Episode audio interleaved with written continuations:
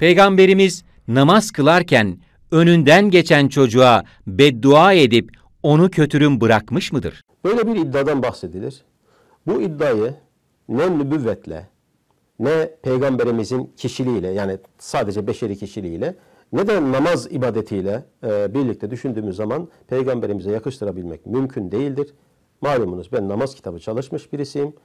Değil peygamberimizin önünden e, geçen çocuğa beddua etmesi, peygamberimiz kendisine e, en çok zulmeden insanlara bile beddua etmemiştir. Hele hele bir çocuğa böyle bir şey yapması mümkün değildir. Bu düpedüz peygamberimize bir iftiradır.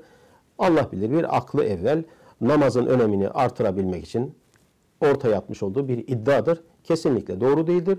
Namaz kitabı çalışmış birisiyim dedim. Söyleyecek olduğum şuydu. Peygamberimizin değil önünden geçen, peygamberimiz namazdayken namazda selam verenlerin namazdayken selamını almış.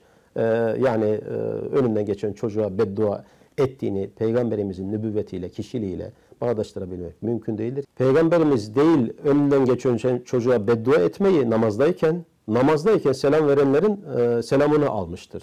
Düşünebiliyor musunuz? Böyle bir peygambere e, kalkıp da e, hani beddua etmesini nasıl düşünebiliriz? Başka bir örnek vereyim size. Hep herkesin bildiği e, peygamberimiz namazdayken torunları namazda omzuna çıkıyor. Secdedeyken çocuk rahatsız olmasın diye namazdan secdeden kalkmıyor.